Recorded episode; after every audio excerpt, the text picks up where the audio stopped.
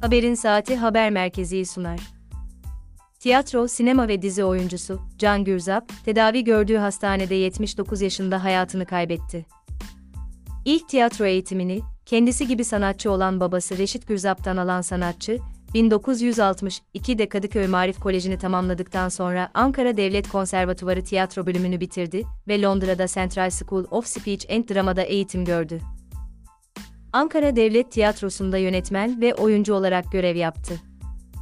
Konservatuvarda öğretmen olarak derslere girdi.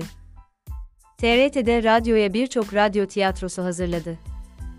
Tiyatroda 52 yıl aktif olarak yer alan sanatçı Gürzap, son yıllarda Kurtlar Vadisi, Bir Avuç Deniz, Aşk Beklemez ve Medcezir gibi geniş kitlelerce izlenen televizyon dizilerinde yer aldı.